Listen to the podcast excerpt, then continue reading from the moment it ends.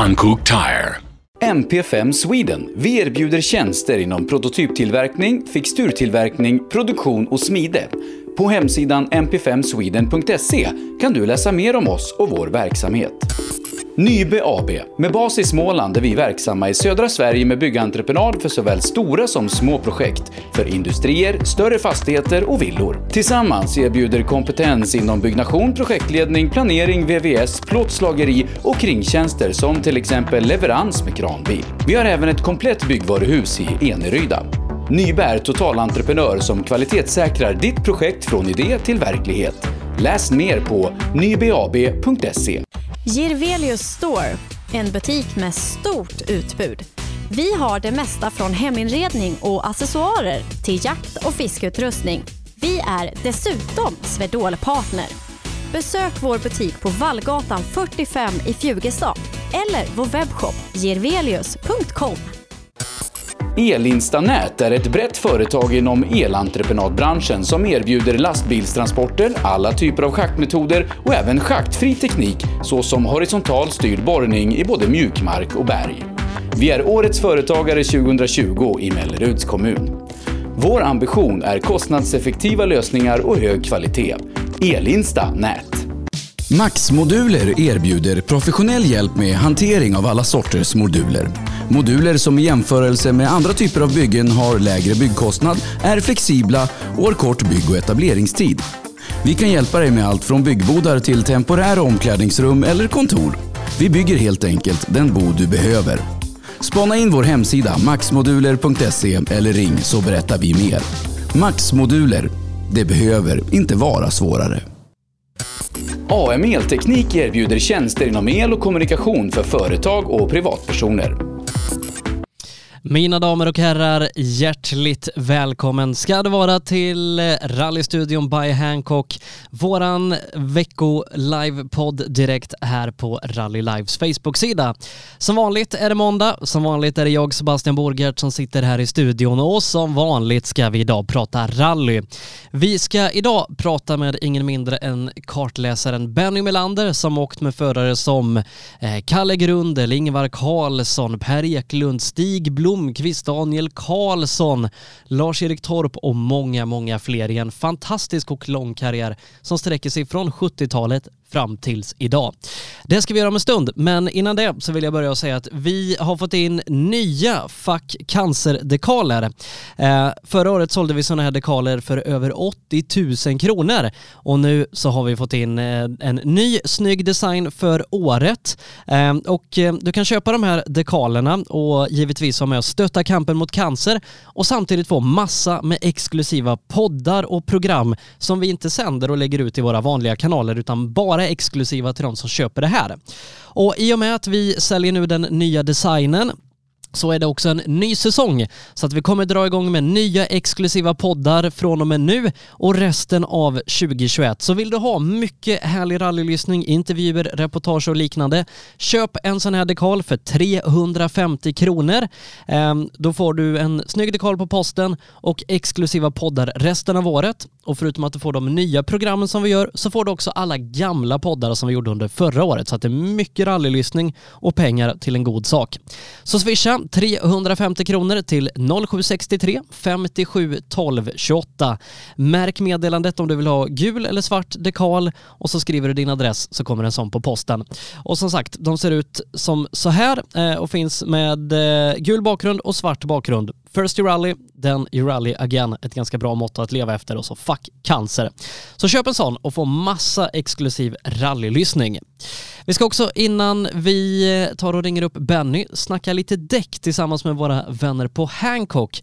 Vi har ju tidigare här under våren fått eh, höra lite grejer från vår vän Joakim Palin på Hancock som berättar lite hur det funkar med däcktryck, varför man ska byta till sommardäck och så vidare. Och det ska vi göra även idag. Hankook Tire. Då säger vi hjärtligt välkommen till Rallystudion by Hancock. Återigen till Joakim Palini från Hancock. Joakim, välkommen tillbaka. Hej Sebastian, tack. Eh, du Joakim, vi har ju pratat däck tillsammans här eh, och ska fortsätta göra så här under våren. Eh, och nu är vi ju igenom liksom däckskiftarsäsongen här. Den, den 15 april så var ju sista dagen att få på sommardäcken och har det lugnat sig för er som jobbar med däck eller är det fortfarande mycket att stå i? Det är fortfarande mycket att stå i. Det är ju, den 15 gäller ju dubbdäcken så att de som har dubbfritt ska ju fortfarande byta. Så det är full, full fart fortfarande ett par veckor till tror jag. Jag då och många som lyssnar och tittar på det här håller ju på med motorsport och vet att i motorsporten så är det ju mycket utveckling av allting. Bilar, däck, infrastruktur. Det är en ständig utveckling som, som driver sporten framåt. Och jag tänker när det kommer till eh, däck till personbilar, sker det utveckling där och i så fall vilka områden är det man fokuserar på gällande utvecklingen framåt? Absolut att det sker utveckling. Man kan säga så här, de senaste tio åren har väl utvecklingen fokuserats på eh, rullmotstånd på däcken eftersom vi, det är en miljöfråga, vi vill spara bränsle. Eh, det här har blivit mer aktuellt nu också i samband med elbilar då när man vill ha ett lättrullat däck för, för att få en räck, längre räckvidd också. Så att det har nog varit fokus den senaste tiden. Eh, Sen får man tänka på att eh, man kan inte bara göra ett rätt, lättrullat däck utan det måste också vara säkert och bromsa och, och, ha bra grepp så att säga. Och det är väl det som är klurigheterna. Ibland står de här sakerna emot varandra lite. Men, men, men det kan jag säga är fokus, eh, rullmotstånd. Och som sagt med, med just att det kommer nu mycket elbilar också, där blir det ännu viktigare för att få ut räckvidden ur elbilarna.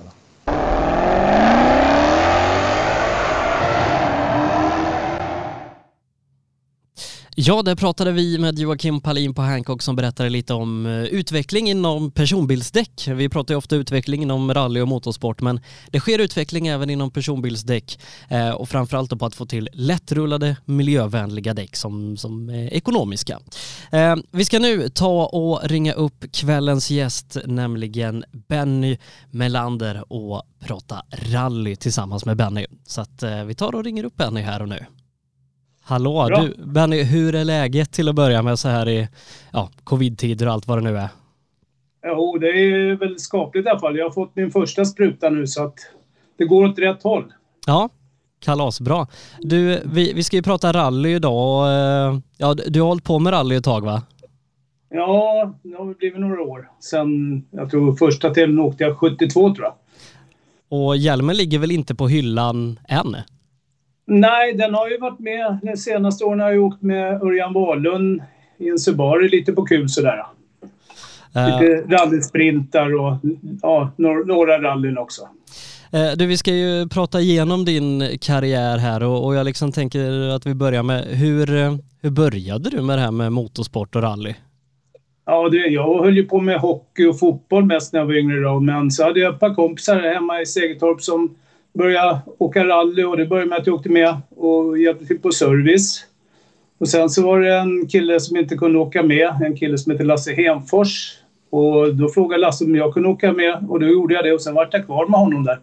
Tills han tyvärr gick bort alldeles för tidigt. Eh, och eh, som sagt, eh, hur var det att, att komma in i motorsporten och börja, börja utöva den där i, i början av 70-talet? Ja, jag tyckte det var jättekul. Det var något helt annat mot vad man hade sysslat med innan. Så att, eh, nej, det var jättekul.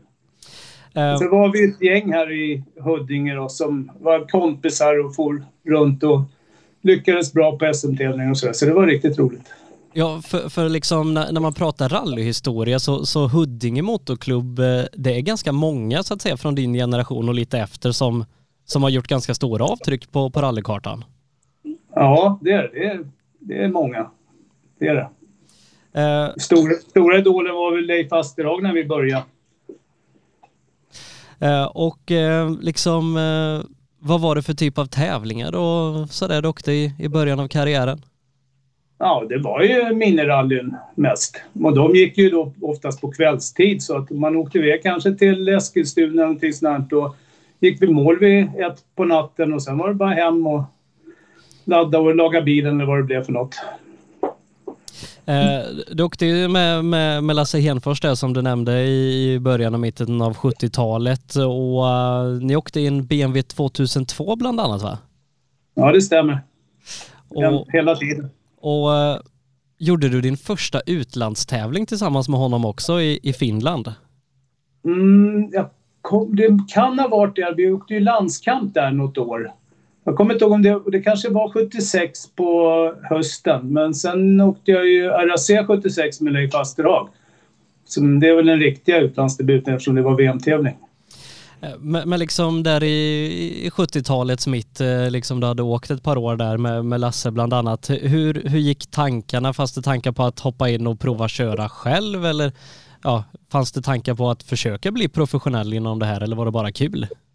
Ja, från början var det ju bara kul men det gick ju, som med Lasse, det gick ju bättre och bättre då. Tills han tyvärr blev sjuk. Och, men jag hade aldrig några tankar på att köra själv. Det var jag alldeles för dålig bilförare för. Så jag, jag fick njuta och sitta bredvid istället.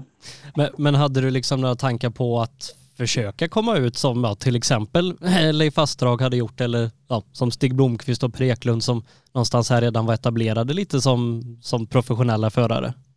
Ja, nej, det, det hade jag nog inte. För jag tror på den tiden det var ju svårare som kartläsare. Det var ju bara att man hade tur att komma med rätt chaufför. Då hade man ju chansen. Så att det var ju mest att man fick flyta med. Och, och hade man turen så kom man till rätt chaufför och då fick man chansen att åka utomlands. Eh, 76 där som sagt så gjorde du din första VM-tävling som du var inne på med, med Leif Asterhag och ja, hur kommer det sig att du, du hamnade i bilen med Leif den tävlingen? Ja du, jag tror jag bara frågade om jag hade lust att åka med. Och jag såg ju det som en utmaning.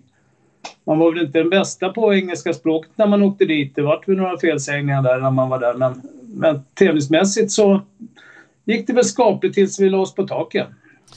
Ja, för, för liksom att, att åka i Sverige är ju en sak och kanske framförallt förr i tiden med, med långa och utmanande tävlingar. Hur, hur var det att komma över till RAC som är en av de tuffare tävlingarna i världen? Ja, det var ju, det var ju lite annorlunda. Just det att det, där, det var ju lite längre. Förut var man ju van att åka en tävling under kvällen ungefär. Man hade väl åkt Svenska rallyt också så man hade ju åkt lite längre tävling då. Men det var ju lite annorlunda. Sen just det där med språket och lite annorlunda funktion med hur det funkar med eh, tidtagning, tidtagarkort och sådana där saker. Det, var, det var ju lite ovant i början. Men innan vi åkte dit så var jag hem till Klasse Bildstam en kväll och han gav mig en kurs och så visade han på i tilläggsreglerna vad som var viktigt att läsa och lära sig och sådär. Så jag, jag fick en grundlig kurs innan. Gav det mer smak att åka utomlands? Ja, det gjorde det självklart. Det gjorde det verkligen. Eh, för eh, liksom efter 76 där så, så började du väl åka en hel del med Björn Blomqvist i, i Opel? Ja, det vart det där direkt efter Lasse Henfors hade gått bort alltså. Så vart det Björne. Det var ju samma där, första tävlingen med honom. Då låg vi på taket också. Ja, Det, det, var, det var ingen bra början för mig med vissa chaufförer. du, du började inte tvivla på dig själv då om ni alltid hamnar på taket? Nej, de där tävlingarna var ju inte notade så att eh, det var väl inte så mycket man kunde göra åt chaufförens misstag. Men, men du och Björn ni åkte ihop i, i ganska många år i bland annat kadett och senare Skåne va? Ja, stämmer. Stämmer. tror att vi åkte till och med kanske 81 eller 82. Från, första tävlingen var på hösten 77. Solstanatta i eh, Molkom. Men eh, ja, jag tror 82 någonting sånt åkte vi ihop till. Sen började jag åka med Arne Allansson. Ja, men liksom de, de här åren där med, med Blomqvist, vad, vad åkte ni för typ av tävlingar? Satsade ni på mästerskap eller något sånt där? Ja, vi åkte, vi åkte SM. Plus lite andra mindre tävlingar också men mestadels SM. Och SM var väl ganska tufft på den tiden? Det är det ju nu med givetvis, men, men det var väl det då också? Ja, oh ja, det var ju jättemånga duktiga chaufförer i likvärdiga bilar. Vi åkte ju standard A-klassen och där kryllar ju sådana rallykadetter. Så det, det, det var väldigt tufft. Men, men ni åkte också lite större tävlingar, Svenska rallyt och var väl även i Wales ett par gånger med, med de här Oplarna? Ja. ja, vi åkte Wales en gång och där var det en riktig generalskrotning. Då. Vi var inte så vana vid att, de hade, att det kunde svänga efter målskylten och sånt så att vi fick väl en tvärsladd efter målskylten och sladdade rätt in i en stor vedtrave då, så att det gick inte att fortsätta. Bilen var alldeles för trasig. Eh, men, men då hade du ju ett, ett par år där av att tävla på ganska hög nationell nivå eh, och liksom ville du vidare sen där i början av 80-talet eller var det, var det tillfälligheter som, som gjorde att det senare blev så? Nej, det var nog bara tillfälligheter kan man väl säga. Det var, man måste tänka riktigt där. Jag åkte ju med, med eh, Arne Allansson här hemma i Sverige i Stalet den. Och sen var det Ingvar som ringde och frågade om jag kunde åka med honom i Akropolis 84. Det var väl... Eh, I och för sig hade jag varit ute med Leffe några gånger i eh, Mellanöstern och åkt några tävlingar då. Och fått betalt för det. Men eh, med Ingvar där 84, Grekland. Det var väl liksom det första jag gjorde åt ett fabriksteam kan man säga. Eh, innan 84 så, så gjorde du ju lite grejer också som du nämner det, bland annat med Leif Asterhag och han var ju så att säga typ fabriksförare för, eh, för Toyota på den tiden och ni åkte ju bland annat South Swedish Rally och, och hamnade på pallen där och liksom mm. hur, hur var det att åka med, med en förare med mer eller mindre fabriksstöd?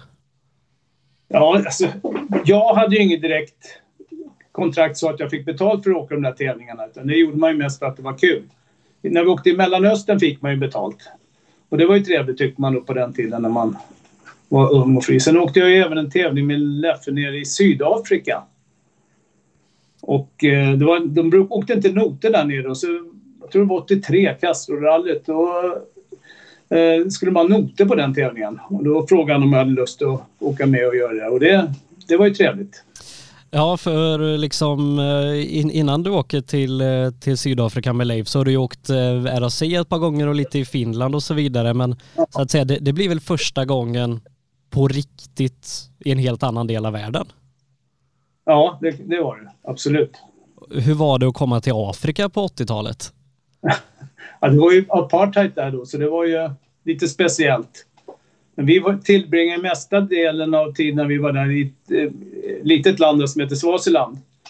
Och där är det ju inte direkt apartheid. Där funkar det som det, det gör de flesta afrikanska stater. Då. Men det var ju lite spännande när man inte hade så stor erfarenhet av det sen tidigare.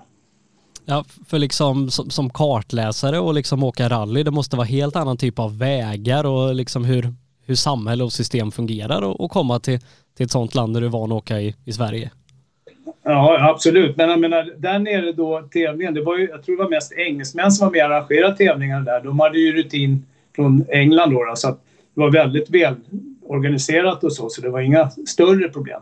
Och, och Leif hade ju ganska mycket erfarenhet. Vi har ju en intervju med honom oh, också. Det, för han hade ju åkt kanske tre, fyra år i just Afrika innan, innan ja. du anslöt där. Ja, oh ja, eh, och det var ju bara en tävling för mig. Och eftersom det då var lite sådär att man fick ju inte tävla i Sydafrika som svensk. Så att man fick lov att ta ut en, en licens, en sydafrikansk licens för att kunna tävla där. Så det var ju, det var ju lite speciellt på den tiden. Eh, du gjorde också, eh, liksom där i början av 80-talet, ett par andra starter och ett, ett rally som jag tror många svenskar skulle vilja åka är ju på Madeira eh, och jag tror du åker där med Gunnar Nordström i början ja. av 80-talet. Eh, jag har varit där på semester och det är en fin ö så, men hur är det att åka rally där? Ja, det är tuffa vägar. Det är, det är asfalt hela tävlingen. Och delvis är det ju gatsten också. Då. Och norra delen av ön, där är det nästan alltid regn och på södra delen är det fint väder. Va? Så att om man åkte från södra delen över ön på en sträcka så fick man ju torr fin väg i början, så var det blött på slutet. Då. Så det var lite speciellt. Tyvärr bröt vi där att roturen att det var en gatsten som stack upp och slog av styrstagen för oss. Så att vi fick lov att bryta. Vi var för långt för service för att kunna backa dit. Eh, men eh, här då, liksom första halvan av 80-talet, så har du ju åkt en hel del stora internationella tävlingar och till och med fått lite ersättning för det. Och gav det liksom mer smak för att fortsätta på den vägen och se hur långt det, det kunde bära? Absolut, absolut. Det var ju, när man fick det här med Ingvar och fick börja åka för Mazda Team Europe där, då, då kände man i alla fall att man kunde få lite betalt för det. Så att eh, det, var, det var ju, kändes ju bra. För hur var det liksom att kombinera ett vanligt liv med att vara mer eller mindre professionell rallyutövare på den tiden? För att långa rekar, mycket tester och sådär och liksom en tävlingsvecka är kanske inte bara en vecka utan i vissa fall tre veckor. Liksom hur var ja, det att få, få ihop allt med, med livet? Ja, nej, men jag hade en bra arbetsgivare på den tiden. Jag fick ledigt när jag ville sådär. Så det, var, det gick jättebra faktiskt. Det var inga problem. Jag bara som en parentes där, men jag åkte med Ingvar i Grekland då. Jag tror vi var där nere i en månad för tävlingen. Ja. Vi gjorde lite tester och så och rekade och grejade. Så att, då var det ju mer fritt med det reket än vad det är idag. Eh, Men men innan du, du hamnar hos Ingvar så, så åker du väl en tävling med Henry Toivonen? Ja, det var det här Mira-rallyt som Klasse Bilstam arrangerade. Masters hette det väl också. Det var, det var Klasse också som frågade om jag kunde åka med, med Henry där och det, det var ju en upplevelse. Ja, för, för redan då då, det är ju någonstans tre år innan han tyvärr då går bort i Lancia, men då var han väl fabriksförare för Opel och redan liksom etablerad som en av de, de stora ute i världen. Ja, vi pratade just på tävlingen där med, med Stig och Wallegård och de här grabbarna. De sa ju han är ju absolut den snabbaste chauffören tvåhjulsdrivet på den tiden. Man åkte ju mestadels fyrhjulsdrivet då, eller i början. Det hade, ja, det hade ju kommit och så. Men de tyckte att Henry var klart värst med tvåhjulsdrivet på den tiden. Hur är det liksom nu i, i retrospekt att ha fått, fått åka med en sån som Henry Toivonen?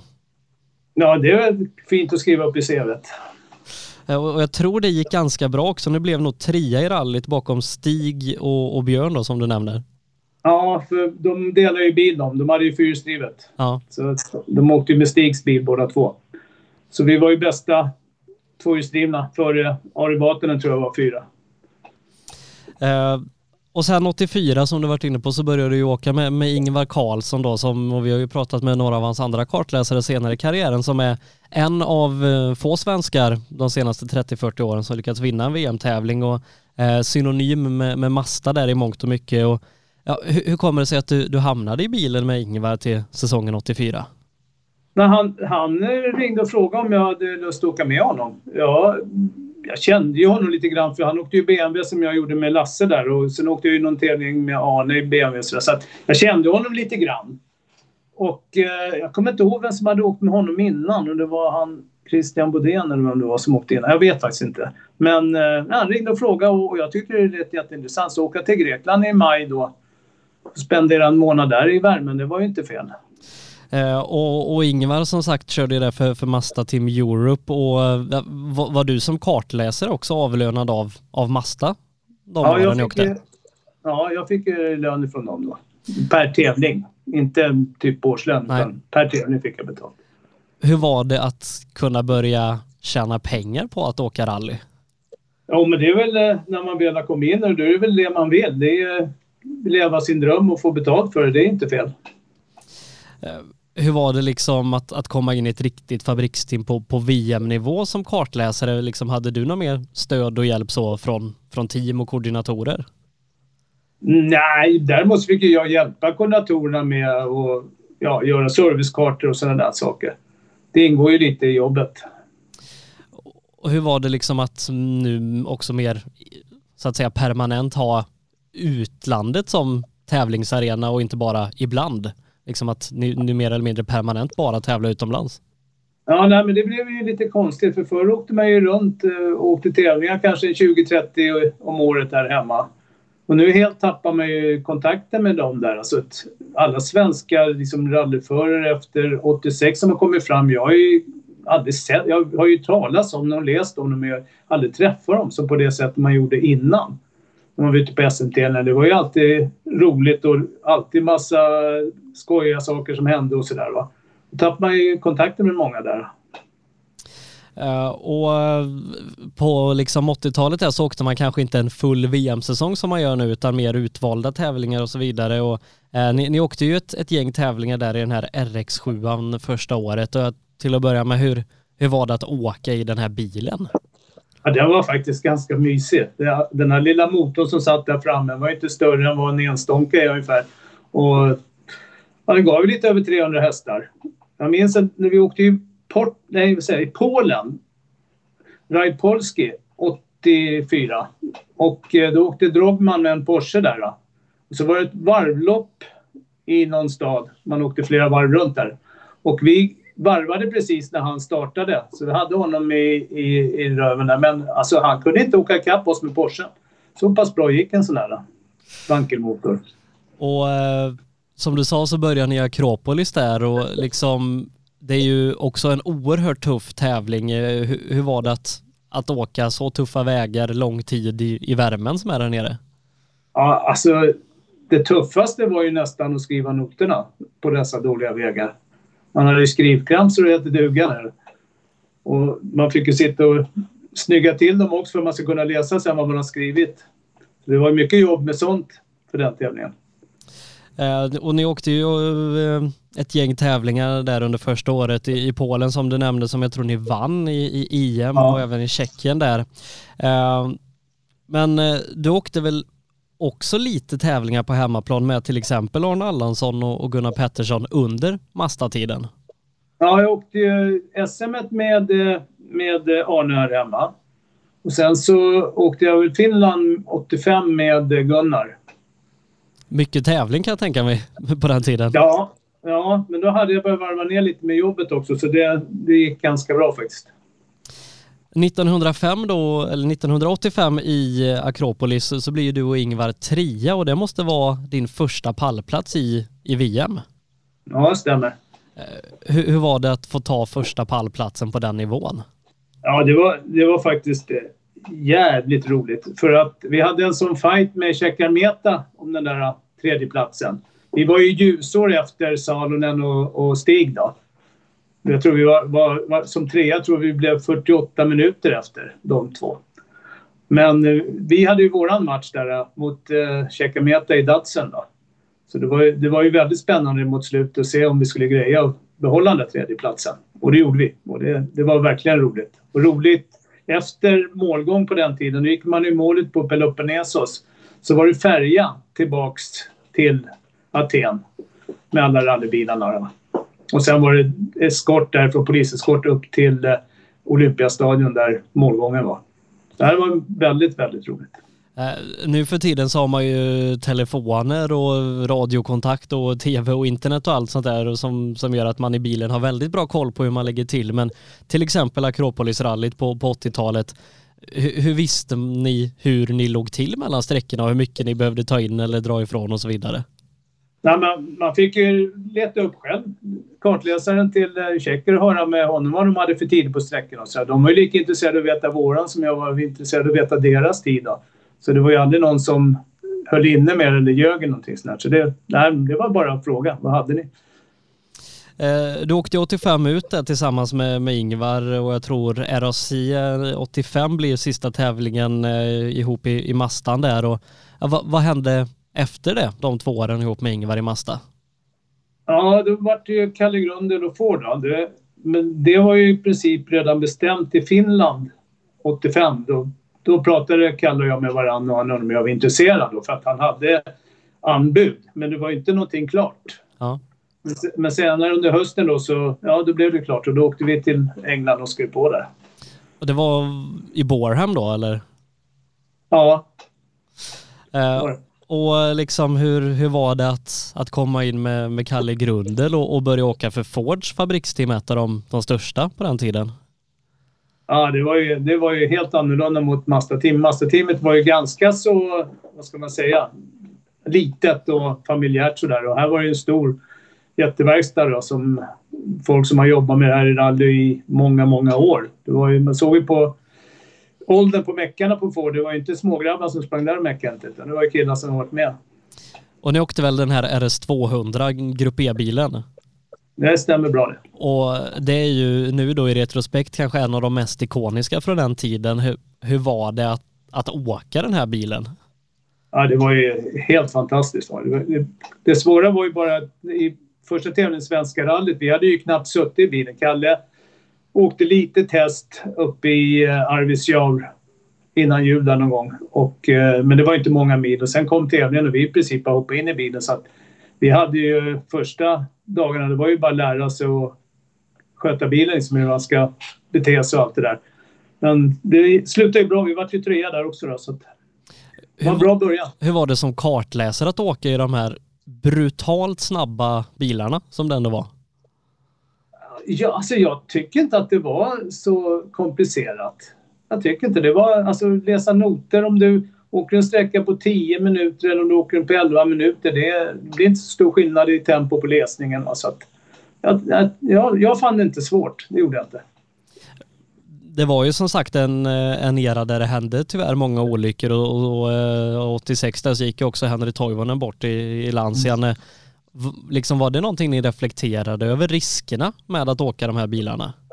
Ja, men vi hade ju eldat upp två stycken bilar alldeles efter Henrik gick bort där. Alltså. För en på, Kalle var med och eldade upp en på test i Grekland och sen eh, dagen innan start i Grekland så var vi ute på SS1 och skulle prova några däck där. Och, och Stig var med också då, med Bruno. Och eh, då fattade vår bil eld där också då, så vi orsakade en skogsbrand så det var lite kalabalik där i skogen. Så att vi var vana vid att de brann där. Det gäller bara att fort komma ut. Men, men liksom var, var du rädd någon gång att det skulle hända något med, med tanke på att det var tyvärr då flera av era kollegor som gick bort i de här bilarna? Nej, nej, man hade inte de tankarna. Det hade man inte. Uh, men, men, eh, ni som sagt eh, åkte ju Ford där och var det mer utvalda tävlingar liksom som, som skulle passa Kalle som, som ni fick åka? Ja, det, det tror jag inte. Jag tror de hade ett upplägg på det, för det var ju första året med bilen. Och det var ju tänkt då att till sommaren skulle vi få en Evolution på den. Men det satte de ju stopp för då när, eh, när det hände med Henry då, och de skulle slopa Grupp E efter 86. Så vart det ingen mer utveckling på den. Så att vi åkte ju med Forden, åkte vi ju Portugal, men det vart ju inte långvarigt tack vare olyckan där. När en teamkollega åkte in i publiken. Men vi åkte ju svenska Portugal, Grekland. Irland. Och, Irland åkte vi, det var ju inte VM då, men det var ju det var en tävling bara för att åka asfalt med bilen. På lite test på det.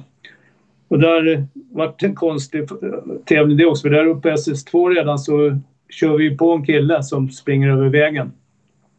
Som lyckligtvis klarade sig då, men han var ju väldigt, väldigt skadad. Och sen eh, senare under tävlingen så fick vi ett slitbanesläpp och det slog bort i princip hela bakdelen på bilen och slog av bensinröret. Så det stänkte bensin in i bilen på Kalle och, men ing, tände inte eld som tur var så att vi fick bryta där. Eh, ni åker väl också i Finland för Lancia? Ja, det stämmer. S4 ja. Eh, och, och nu är ju sådana här hopp oerhört sällsynta om, om de ens lyckas få igenom det i sina kontrakt. Men, men eh, ni, ni, fick köra för Lancia? Ja, och Stig han åkte ju två tävlingar för per år då, så att det var inga problem. Inte från Fords räkning. Hur, hur var det att åka Lancia? Ja, det var ju kul också. Det enda problemet var ju att våran bil betedde sig lite speciellt. Överstyr åt ena hållet och understyr åt andra hållet. Och Kalle hade ju någon teori där om att eh, det måste vara något fel på hjulinställningarna. Men eh, Mr Pianta som var den mannen som hade konstruerat den där bilen, han tyckte väl inte att vi skulle tala om för honom hur bilen fungerar.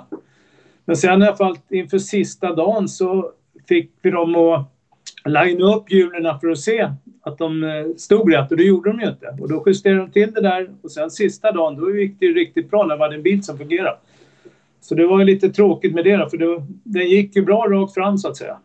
Jag tror ni blev eh, sexa i, i, i Finland det året. Ja, det stämmer. Eh, och så avsluta med, med en femteplats i RAC. Eh, men 1987 så började du väl åka med Lars-Erik Torp? Stämmer bra det också ja. Eh, och ja, hur hamnade du jämte honom? eh, ja, undrar om inte det kom förfrågan för att Bosse Torselius ville väl sluta. Och då såg eh, Lars-Erik utan kartläsare och eh, vi hade ju samma manager i England, Mike Beasley. Så jag vet inte om han, han och Ove hade ju bra kontakt med varann. Och om han eh, föreslog då att jag kunde hoppa med Lars-Erik. Jag tror det var så det gick till. För, för Lars-Erik körde för Toyota på den tiden? Ja, han körde ju för dem 86 med gamla grupp 4-bilen där. Då. Och sen, eh, ja, sen förbjöd de ju de där bilarna och sen 87 då skulle vi åka Supra. Det var det enda de hade som förslag då. då bakhjulsdriven tung stor bil. Och, och, ni hade ett ganska intressant eh, liksom tävlingsprogram för att eh, det var ju inte så att säga någon, någon VM-serie eller så utan ni åkte i Mellanöstern och ni åkte i USA, i Afrika mm. och, och, lite sådär ganska spännande och exotiska tävling för, tävlingar för en svensk. Ja, det var det. Det var roligt. Det var verkligen kul. Kina också var med där. Eh, det, det var kul och eh, åker i, Qatar då, eh, bland annat marknader då som är, som är viktiga för Toyota. Och också Safari-rallyt och det måste ha varit ditt första Safari? Ja, det var mitt första Safari. Det, jag har åkt tre Safari. Och jag kom i mål alla tre och det tror jag är ganska unikt faktiskt. Uh, hur, hur var det att komma till Kenya och åka Safari första gången? Ja, det var ju något nytt man fick lära sig. Men så hade man ju Björn Waldegård i, och Fred Gallagher i samma team då. Och de hade ju varit där i alla fall. Waldegård hade varit där 20-30 gånger kanske. Så att eh, man hade ju bra hjälp därifrån. Ja, det, för liksom, det, det är någonting som, som slagit mig när man, när man pratat med er som var med på den tiden att svenskarna var ju oerhört frekventa nere i Kenya och, och vissa hade ju nästan det som ett andra hem på den tiden så att med, med liksom tanke på att ha Björn och så vidare i teamet så, så kanske det inte kändes lika främmande att komma till Kenya som, som om det inte hade varit så mycket så att säga svenskkänning där nere. Nej, nej, men det var en trygghet att man hade sådana rutinerade grabbar runt omkring sig.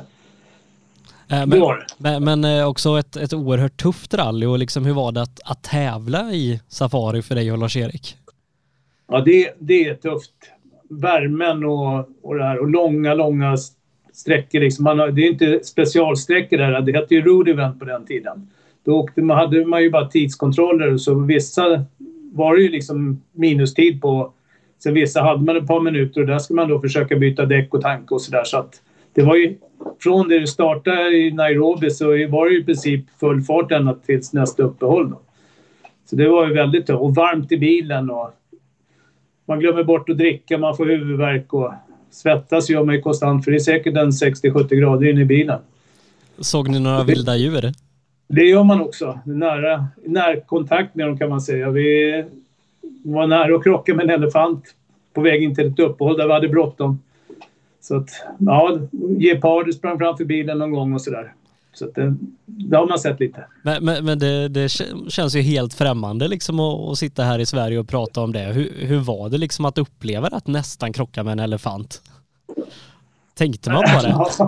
ja, det, det, är väl samma som om det kommer en kille från Afrika ut och kör bil här och springer en älg över vägen så är det lika exotiskt för honom som det där blev för mig. Ja. Eh, men ni blev trea va? I Safari? Ja. ja. Efter... Jag måste ju berätta en liten anekdot därifrån till Dagen innan vi eh, startade så var jag, Lars-Erik och Stig och Bruno, vi var ute och käkade på en restaurang. Och eh, Lars-Erik och Stig de tar eh, räkcocktail till förrätt. Så på natten blir båda de två väldigt magsjuka. Så Lars-Erik, Stig hade väl tur i oturen så bröt han, jag tror redan första dagen. Han hade haft oturen också då med att de hade kraschat hans tävlingsbil på vägen upp från Nairobi till starten i, i, eh, eh från Mombasa till Nairobi. Och eh, de hade fått i ordning hans träningsbil som han startade med. Men de var väldigt, väldigt magsjuka. Och eh, Lars-Erik han åt ingenting. Tävlingen var i fem dagar. Och han provade och tog någonting efter fyra dagar, tuggade lite men det gick inte. Så han fick gå på flytande hela tävlingen. Och i de eh, tuffa förhållanden som det är där nere så var det bara en bragd att vi kom i mål. Eh, jag, jag har ju pratat med, med Bruno Berglund och Hasse Torselius och så eh, lite kring Björn där. Var det så att ni, ni bjöds på Bullens pilsnerkorv någon gång? Ja, oh ja. Oh ja. Det, var liksom, det, det fanns alltid där. Jag tror det var Björn som alltid hade med sig det. Ja. Och sen skulle man ha med sig sill till Henry Liddon, våran manager på den tiden. Teammanager som eh, också olyckligt gick bort. Eh, ni åkte också Olympusrallyt i USA som passande nog kördes i amerikanska mästerskapet här i, i helgen eh, som var. Eh, hur var det att komma till USA och åka rally? Ja, det var ju... För det första så är inte det så populärt där borta. Det, det har väl blivit mer nu kanske än på den tiden. Så det, det var inte så att det var massa folk som eh, trängdes på sträckorna och sådär. Utan det var, det var ganska ödsligt. Och sen var det ju de här uh, områdena där borta runt uh, uh, Olympia och Seattle-området där. Det är ju mycket lumberjackets där. Det är ju bara skogshuggare och sådana människor. Så det var lite speciellt. Eh, ni åker också Hongkong-Peking-rallyt som, som du nämner där och liksom eh, Kina och Hongkong på den tiden måste också varit en upplevelse att komma till. Ja, det fanns ju knappt några bilar där på den tiden. Nu var ju inte tävlingen så långvarig för Lars-Erik och mig, men träningen gjorde man ju. Så man åkte ju hela vägen från Hongkong upp till Peking. Det var ju träning på, jag tror det var juli, och så gick ju tävlingen sen i eh, oktober tror jag. Så att man var ju där några månader före och tränade. Och tävlingen vart ju kortvarig. Där gick ju bakaxeln sönder för oss redan på första sträckan.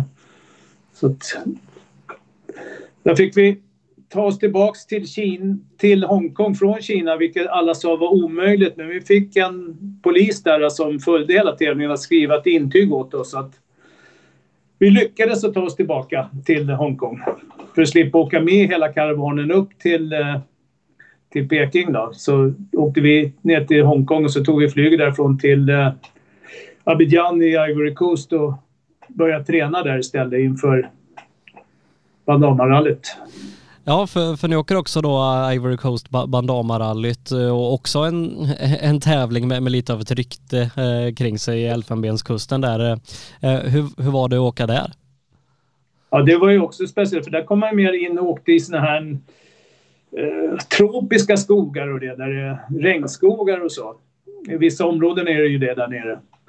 Så det var ju lite annorlunda också. Inte så mycket vilda djur heller. Fast i Elfenbenskusten så såg jag inte en elefant där. Så det är lite speciellt. Men det var, det var en mysig tävling också. Där tyvärr så hände det en olycka för oss att vi bröt ju därefter andra dagen när vår team managers plan kraschade då. Och de omkom, två piloter och eh, Henry Liddon och sen, eh, jag tror han heter Nigel Harris som var med och hjälpte till hos, han var dåvarande kartläsare åt Malcolm Wilson på den tiden. Han hade tjatat sig till att få åka med för han var så imponerad av Henry Liddon och så tyvärr så slog de i tre när de startade från eh, Yamasukro. De skulle upp och, de var som en radiolänk för oss i det här flygplanet. Som vi alltid hade kontakt med. Eh, du och Lars-Erik åkte ju inte jättemånga tävlingar det här året, 87, men, men de ni åkte var minst sagt händelserika och lite eh, exotiska. Eh, liksom hur, hur ser du tillbaka på att ha fått möjligheten att besöka de här länderna tillsammans med Lars-Erik? Ja, nej, det var ju helt fantastiskt. Det var ju jätteroligt. Det var ju lite annorlunda tävlingsår där just att vi åkte de här speciella tävlingarna. Det var ju inga direkt... Ja, eh, borta i eh, USA var det ju vanligt rally då, med riktiga specialsträckor. Men våran bil var ju inte den snabbaste heller så att vi åkte ju Lancia, Delter och sånt där och, och vi hade ju en tung, stor Supra. Så det var men det var, det var kul att komma dit och få se det. Och roligt och Afrika har jag alltid gillat så att det även efteråt sen så att dit har man ju önskat sig tillbaka många gånger. Efter då 1987 så började du åka med Stig Blomqvist och eh, ja, hur, hur kommer det sig att, att du hoppade in där? Ja, det var, jag vart ju arbetslös 87 där på slutet när inte Lars-Erik fick något nytt kontrakt med Toyota. Ove försökte få mig att, stanna i teamet och åka med eh, Kankonen då, men Kankonen han ville ju såklart ha kvar sin kartläsare som han hade. Så, att, så, så blev det inte. Och Stig hade väl eh, kontrakt med Ford och Bruno hade ju börjat åka med eh, Harry Vatanen ja, i, i Rally Raid-tävlingar sådär. Och eh, Stig ville väl inte ha en kartläsare som var lite splittrad sådär. Så att han frågade om jag hade lust att åka med om, om han skulle åka några tävlingar för Ford. Det var inte riktigt klart där då. då. Så att vi träffades under RAC det året och, och snackade lite och så... Ja, du sa jag ställer upp om du har körning, så Och det året var det ju väldigt många tävlingar. 88 där. Ja, men liksom hur, hur var det att, att komma in hos, hos Stig tillbaka till Ford då som det var, men, men att, att få tävla med en världsmästare som man hade blivit bara några år innan? Ja, men du märkte att det var en kille som kunde köra bil. Ja. Det kan vi säga. Och kan fortfarande kanske? Ja, det kan han säkert. Eh, Svenska rallyt var ju första tävlingen vi åkte ihop då. Då hade vi ju skrapat ihop en egen budget. Vi fick låna bil från Ford, men det var ju ingen raket precis. Det var ju en Sierra 4x4 med sexa i. Så att vi tävlade ju mot eh, Lancia Deltorna där. Då.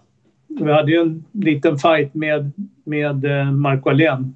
Micke skulle väl vara den som skulle vinna tävlingen trodde alla, men han ställde ju av på första och stod i fyra minuter. Så vi hade väl en liten fight med, med eh, Marco, men han märkte att vi kom för nära. Då kunde väl han öka lite till då. Medan våran bil gick ju på toppvarv hela tiden. Det gick inte att åka fortare än vad vi gjorde. Men ni blev väl tvåa i Svenska rallyt i året? Ja, ja det blev vi. Eh, och, och kör eh, lite, lite utvalda tävlingar i olika länder och mästerskap och grejer. En hel del i Italien. Mm. Fyra, fem tävlingar totalt över Ja. året. Ja, det gjorde vi. Det var några tävlingar. Det var italienska Ford som ville att vi skulle åka där tror jag. Så att det blev så. Sen åkte vi två i Tyskland också då. Hünstrück och Rally Deutschland tror jag det var.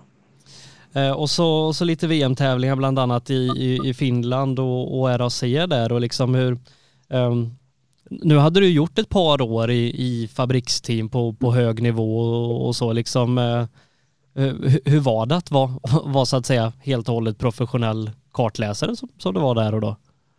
Jo, det, var- det var trevligt. Man fick ganska bra betalt och så eh, hade man mycket fritid. Vi åkte ju, så att säga, jag gjorde ju inget annat då. Jag åkte ju bara biltävling. Så att eh, det, var, det var ju ett perfekt liv. Helt underbart. Eh, och till 1989 så blev det väl ingen fortsättning eh, med Ford, men, men du fortsatte med Stig. Ja, vi åkte väl lite småtävlingar här och där. Och sen från med, det året åkte vi, jag kommer inte ihåg riktigt vilket vi åkte, men jag tror vi åkte något Lancia i Bouquet de Spa tror jag. Och några, några mindre tävlingar här och där. Men eh, 90 började ju testen med eh, Nissan för honom. Då fick ju han kontrakt med Nissan. Så då var jag med i Afrika i, jag var nog där nere i två månader tror jag, bara testa. Och hur, hur var det att vara med och, och utveckla en bil? Ja, det, var, det, alltså det är ju det Stig är duktig på.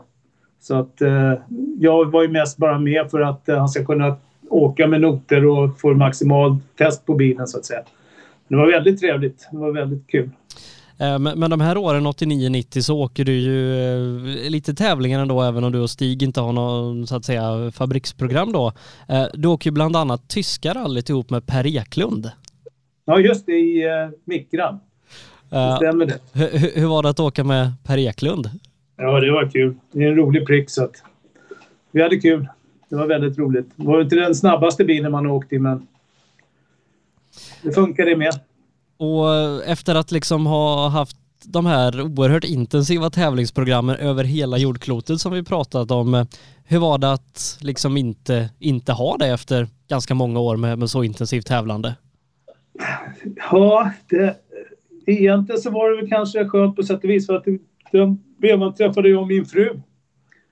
Så eh, första året vi var ihop, då var jag borta 256 år, det var 88. Sen eh, 89 då, då fick jag vara mera hemma med henne. Det var väl hon glad åt då, åtminstone. Men sen 91 så var det tillbaka ut i världen då med, med Nissan och, och börja tävla. Ja, då var det Safari-rallyt som var första där. Då. Eh, Du hade ju vid vid den här tidpunkten eh, varit i ganska många fabriksteam med olika förare. Hur, hur upplevde du att vara i Nissan? Ja, men alltså det var ju ett nytt team då, men de har ju tagit in folk som var rutinerade. Den som började och, och, och starta upp teamet, det var ju David Whittock, då, Pers gamla kartläsare. Och sen eh, tog, eh, ja du vet, jag och namn. Um, kommer jag inte ihåg vad han hette. Han, han, var ju, han har ju tidigare varit teammanager på, på Ford.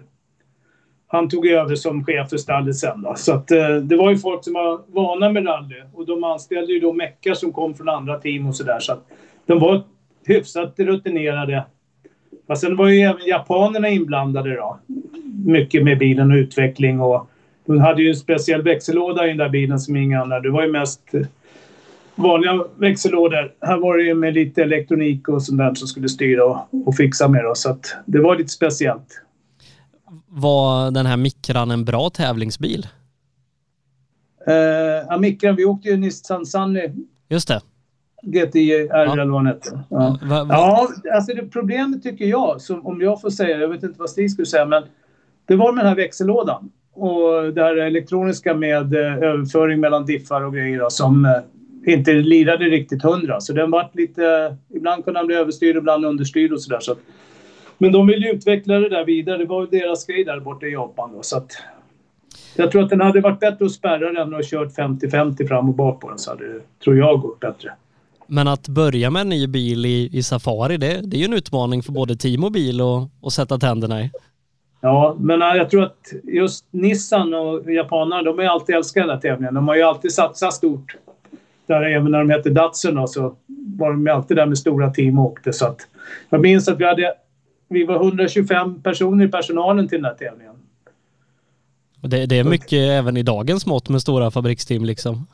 Ja, för idag är det inte service på samma sätt och sådär. Nu har du ju serviceparker och det. Vi hade ju alltid...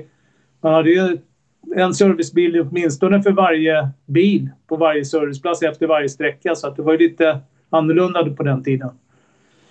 Eh, men ni åkte Safari, även Akropolisrallyt som ni bröt, en åttonde plats i Finland och, och tyvärr också bröt RAC. Eh, men, men ni fortsatte åka lite med Nissan även in i 92?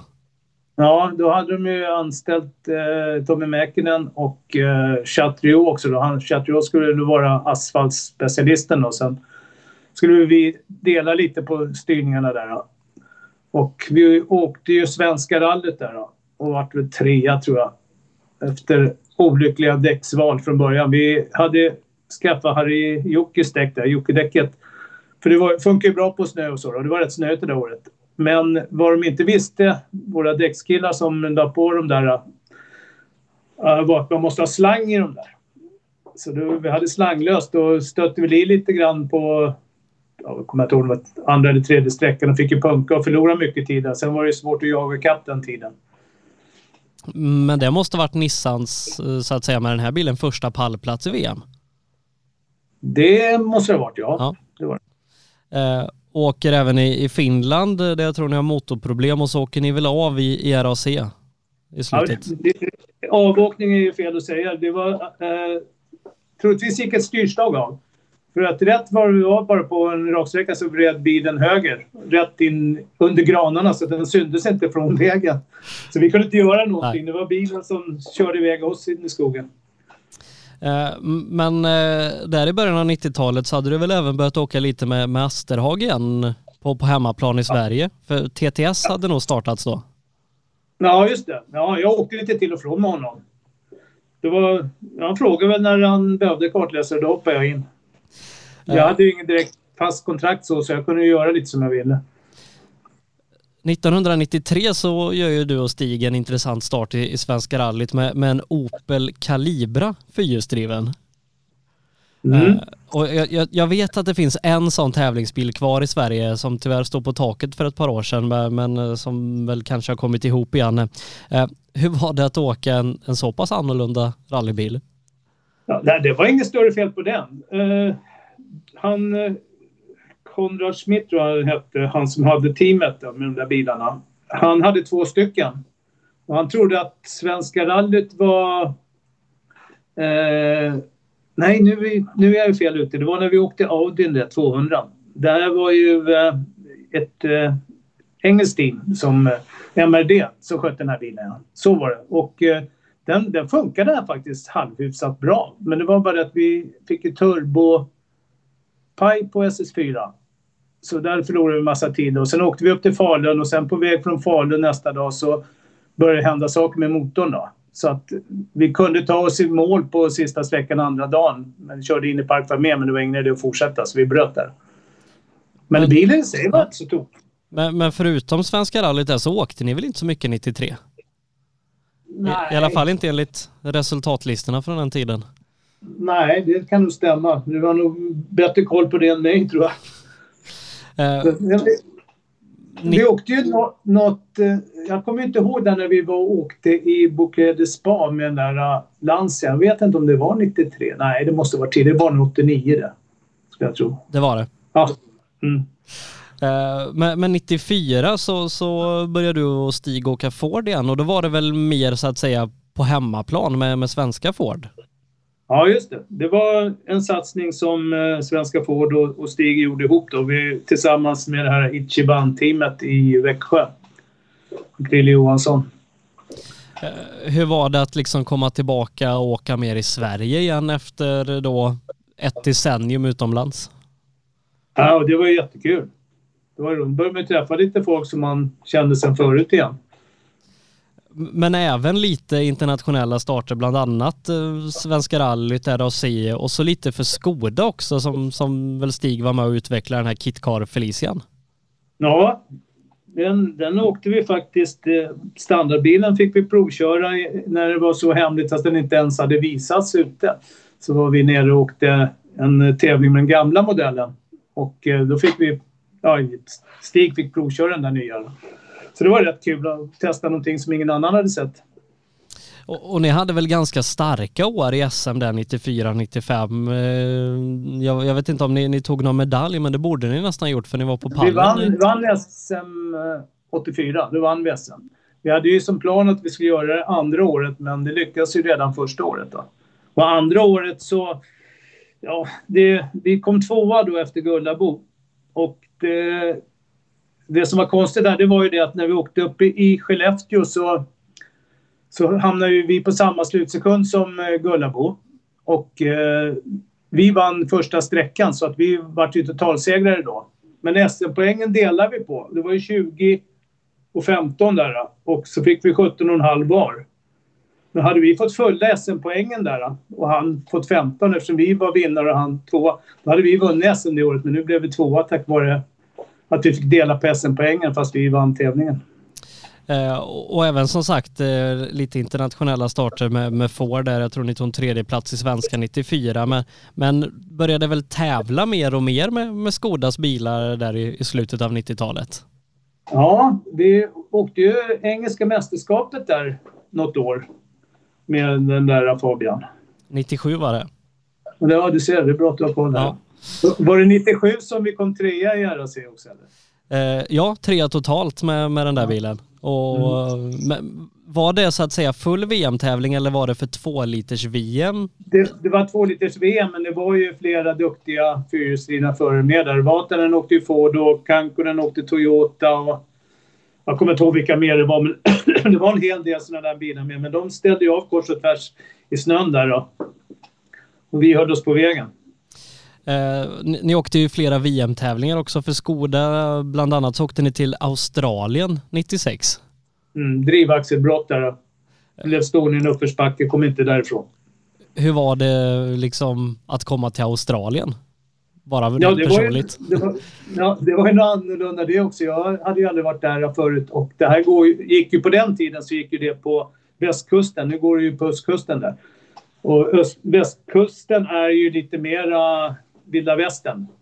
Där åkte ju folk eh, Camaro och ja, var väldigt amerikaniserat på något sätt. Och mycket cowboyhattar och sådana saker. Det var inte så civiliserat. Eh, men tyvärr då som du nämnde så, så, så bröt ni där. Eh, och 1997 så åker du också på hemmaplan eh, Sydsvenska rallyt med, med en viss Pernilla Solberg. Det stämmer bra det, fast hon hette Valfridsson då. Jajamän. Hur var det att att uh, komma in med, med Pernilla? Ja, det var jättekul. Det var verkligen roligt. Hon var så glad. Hon, alltså hon, när vi flög då fnittrade hon liksom i luften. Hon tyckte det var så kul där vi flög och så Det var, det var en upplevelse. Det var faktiskt Pi som frågade om jag hade lust att åka med henne för hon hade haft lite problem ett tag. Det hade inte funkat så bra för henne. Så vi åkte först en liten tävling i Enköping. Och sen så åkte jag med henne i Sydsvenska då. Så mest för att hon skulle få tillbaka lite självförtroende tror jag. Eh, du åkte ju också med, med en annan Valfridsson där 98 eh, tror jag det var, kanske 99. Eh, Stig-Olov i, i Svenska rallyt i en Grupp M-bil. Mm. Och lyckades vinna klassen. Jajamän, det var inte så ofta han slog eh, Bäcklund där men det lyckades när jag fick åka med. Uh, och även några tävlingar med, med Stig. Ni åkte bland annat Ford Puma uh, i Rally Condros och så åkte ni på Azorerna med eskort?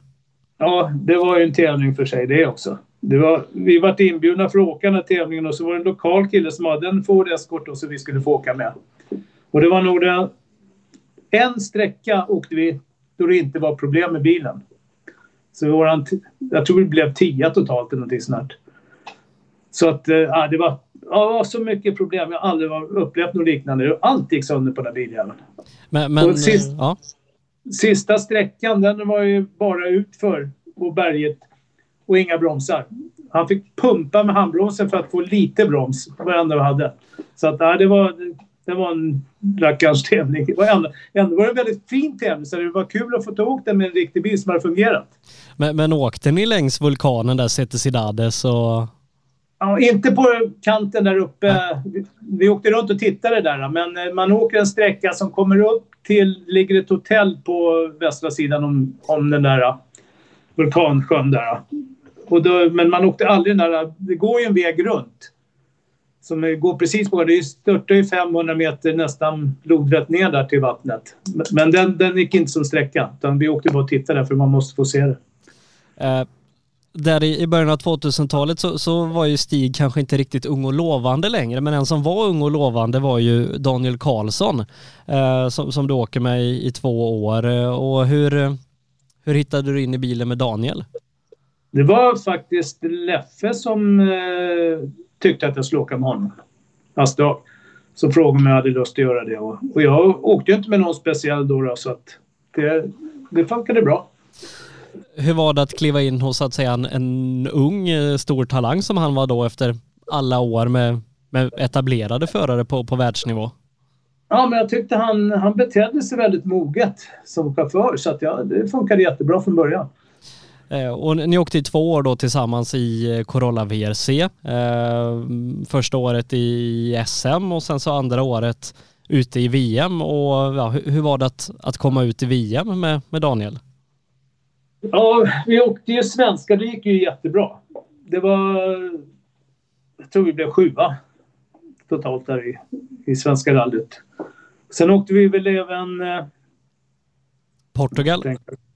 Portugal åkte vi Portugal också? Kanske ja. vi gjorde. Ja, kom, jo, just det. Då gick det också riktigt bra, men då gick det också styrstag av. Så eh, hjulet väg så bara vi for av vägen. Och sen gick det inte att åka därifrån. Det går ju bara att backa när det är ett styrstag av och det är inte så lätt när det kommer bilar varje minut som ska förbi en. Så det, det, vi var kvar där och det var inte så långt kvar av tävlingen heller. Och sen så åkte vi väl eh, Rally Deutschland. Och då slog vi ett någon sten tror jag så att vi slog bort något bakhjul. Och, och sen åkte vi San, och Finland med? Ja, Finland också ja. Men då, då gick fläktremmen av tror jag. Eller generatorremmen. Det var no någonting som gick av där i alla fall. Så vi, vi hade ingen reserv i bilen tyvärr. Så bröt vi för det. Och sen var det San Remo. Där var det ju en riktig karamell. Och eh, efter det så, så avslutade du väl så att säga den professionella karriären?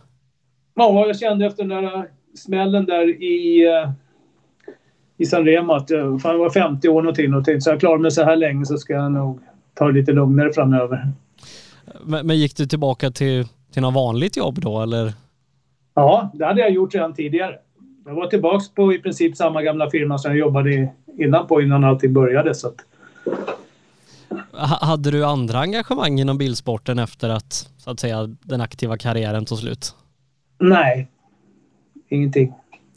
När man varit så inne i det så länge, vill man släppa det helt eller liksom fanns intresset kvar att följa och titta och sådär? Ja, följa och titta har jag ju alltid gjort. Jag har ju åkt upp och sådär på Svenska rallyt och tittat och det och sådär. Men jag, jag, åkte, jag fick väl återfall. Jag åkte med Leffe om det var 2010 i Midnattssolsrallyt.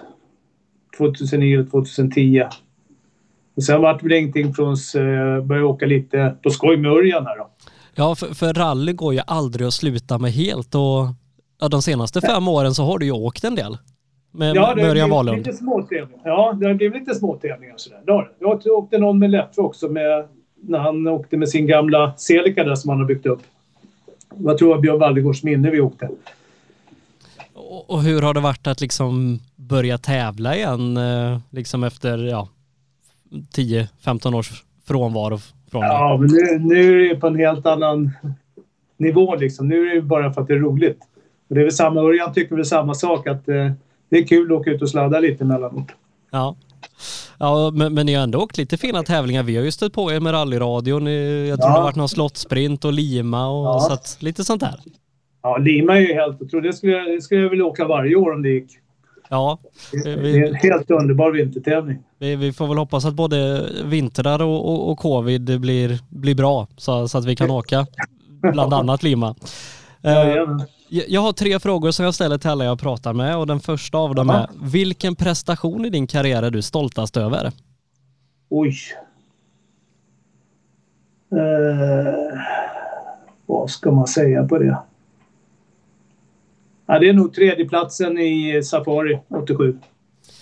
Vilken är den häftigaste plats i världen du fått besöka tack vare rally? Det är Kenya. Och vilken är den bästa tävlingsbil som du har åkt? Då får jag nog säga att det är, även om vi hade problem i två dagar så är det nog Lancia S4.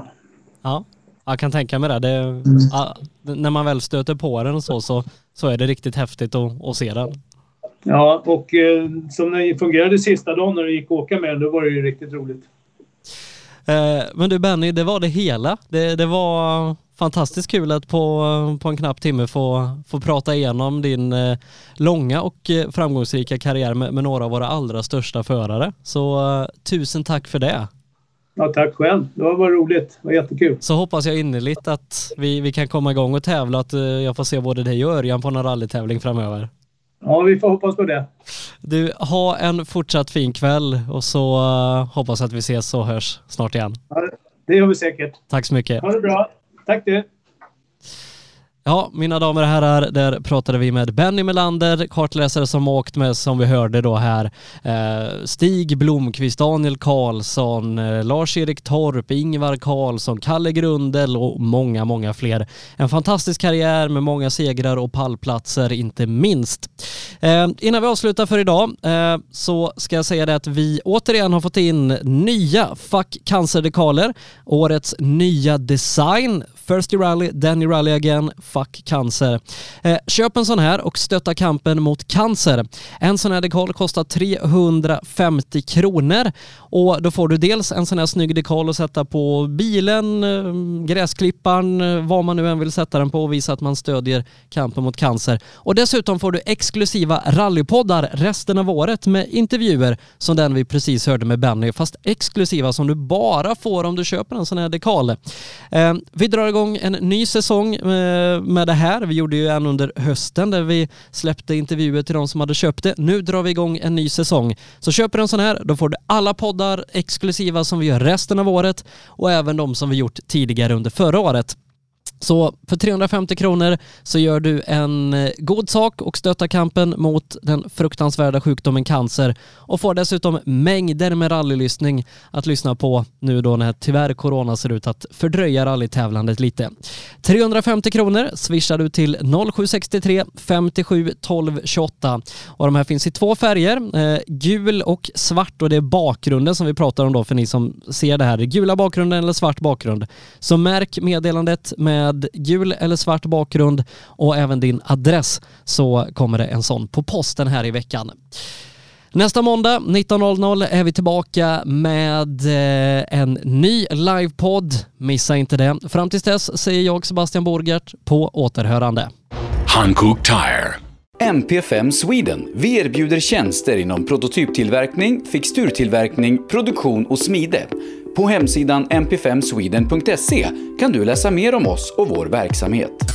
Nybe AB, med bas i Småland är vi verksamma i södra Sverige med byggentreprenad för såväl stora som små projekt, för industrier, större fastigheter och villor. Tillsammans erbjuder kompetens inom byggnation, projektledning, planering, VVS, plåtslageri och kringtjänster som till exempel leverans med kranbil. Vi har även ett komplett byggvaruhus i Eneryda. Nybe är totalentreprenör som kvalitetssäkrar ditt projekt från idé till verklighet. Läs mer på nybab.se. Girvelius Store, en butik med stort utbud. Vi har det mesta från heminredning och accessoarer till jakt och fiskeutrustning. Vi är dessutom Swedol-partner. Besök vår butik på Vallgatan 45 i Fjugestad eller vår webbshop girvelius.com. Elinstanät är ett brett företag inom elentreprenadbranschen som erbjuder lastbilstransporter, alla typer av schaktmetoder och även schaktfri teknik såsom horisontal styrd borrning i både mjukmark och berg. Vi är Årets Företagare 2020 i Melleruds kommun. Vår ambition är kostnadseffektiva lösningar och hög kvalitet. Elinsta Nät. Max Moduler erbjuder professionell hjälp med hantering av alla sorters moduler. Moduler som i jämförelse med andra typer av byggen har lägre byggkostnad, är flexibla och har kort bygg och etableringstid. Vi kan hjälpa dig med allt från byggbodar till temporära omklädningsrum eller kontor. Vi bygger helt enkelt den bod du behöver. Spana in vår hemsida maxmoduler.se eller ring så berättar vi mer. Max Moduler. Det behöver inte vara svårare. AM Elteknik erbjuder tjänster inom el och kommunikation för företag och privatpersoner.